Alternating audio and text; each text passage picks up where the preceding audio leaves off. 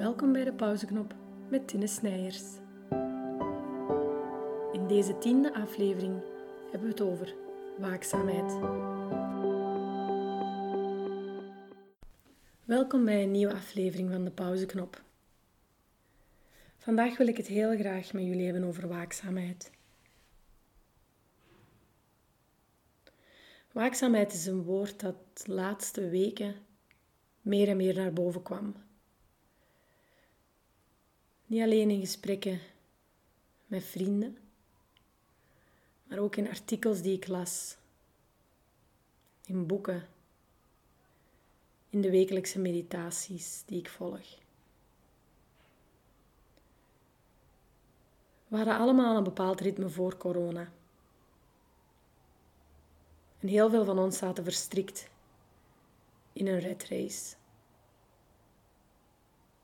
In een kluwe van drukte en prikkels. Van verantwoordelijkheden en vooral van moeten.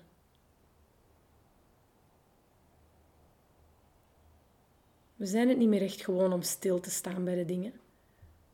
Of om in stilte te leven of stilte te ervaren. Het is alsof elke vorm van stilte dient opgevuld te worden met geluid, lawaai of prikkels. In de trein of in de tram, gewoon voor ons uitstaren, kom je nauwelijks nog tegen.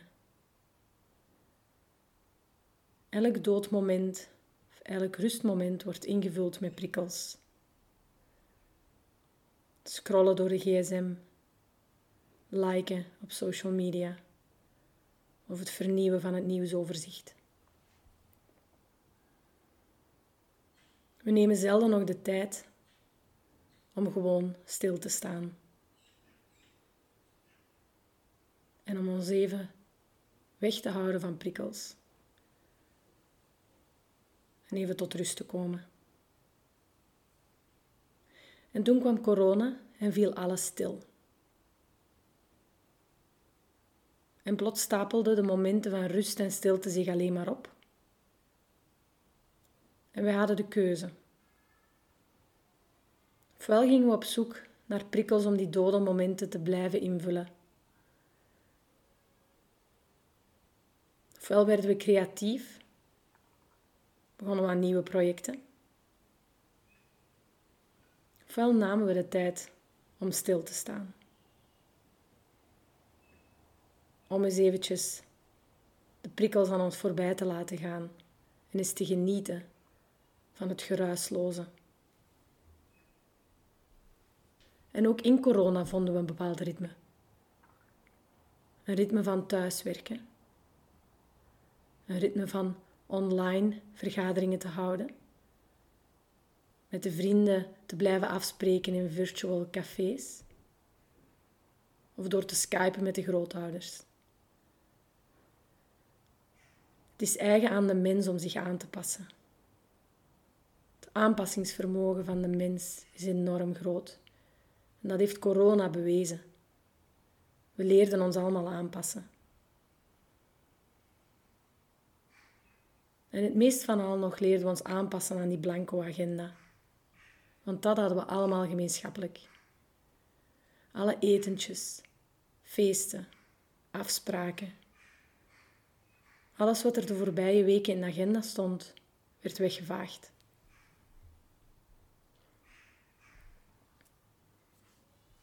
En misschien maakte die lege agenda wel dingen duidelijk. Misschien bracht die lege agenda wel een soort van opluchting.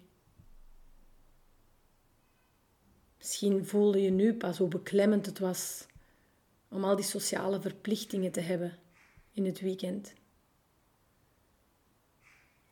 Misschien voelde je hoe hard je ervan genoot om te kokoenen met het gezin. Misschien viel het ook op dat die ene vriendschap of zelfs die ene relatie meer energie vroeg dan je aanvankelijk wilde toegeven. En legde corona bloot dat die bepaalde persoon niet meer voedend was voor jou.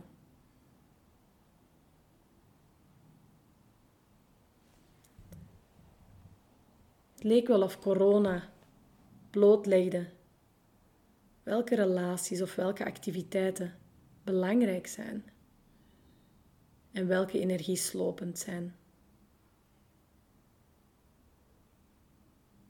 En dan zitten we nu aan het post-corona-tijdperk. Het virus is er nog, maar de maatregelen worden versoepeld.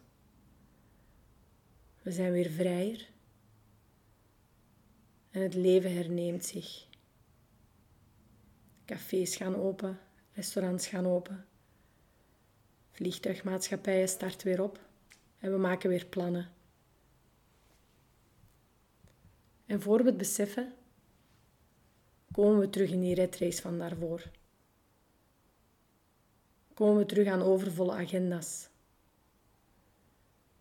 Komen we terug tot relaties die misschien wel energievretend zijn. En komen we terug aan het tekort van tijd voor uzelf. En komt zelfzorg weer op de laatste plaats.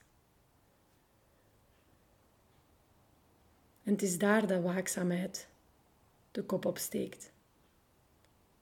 De nood aan waakzaamheid.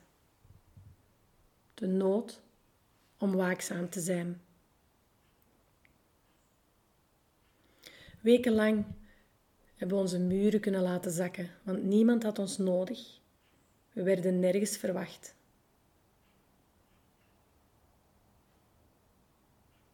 En nu, nu dat alles herneemt, het ritme weer versnelt, nu hebben we het nodig om opnieuw waakzaam te zijn, om zachtjes aan onze muren weer op te trekken en om te gaan bepalen wie we nog binnenlaten en wie niet. Om zelf te bepalen welke activiteiten op de agenda komen en welke niet.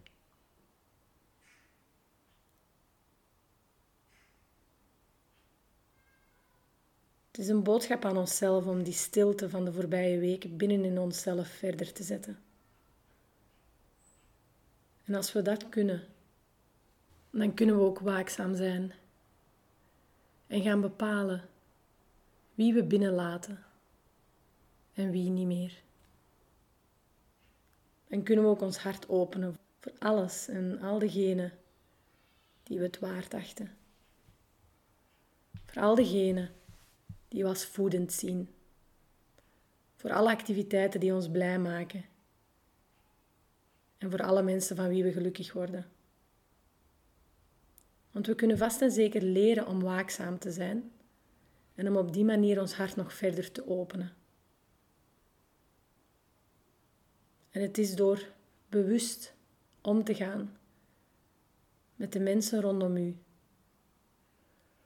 Om heel bewust de nieuw begin te nemen als een nieuwe start. Dat we die innerlijke stilte verder kunnen meedragen. Zie het als een geschenk om niet automatisch terug te gaan naar de redrace van hiervoor, maar om heel bewust en waakzaam keuzes te maken over wat belangrijk is voor je en wat niet. Want het is niet omdat we waakzaam zijn dat we ons afsluiten van de buitenwereld. Integendeel.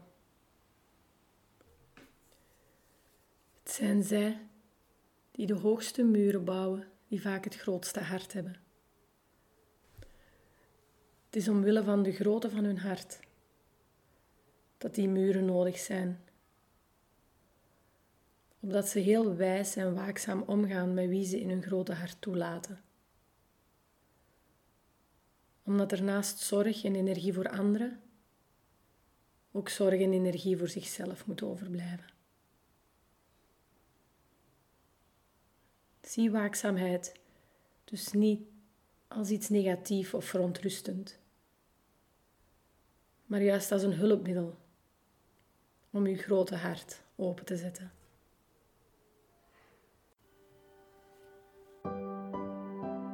Bedankt voor het luisteren naar een nieuwe pauzeknop. Vergeet zeker de podcast niet te beoordelen, zodat anderen hem ook sneller kunnen terugvinden.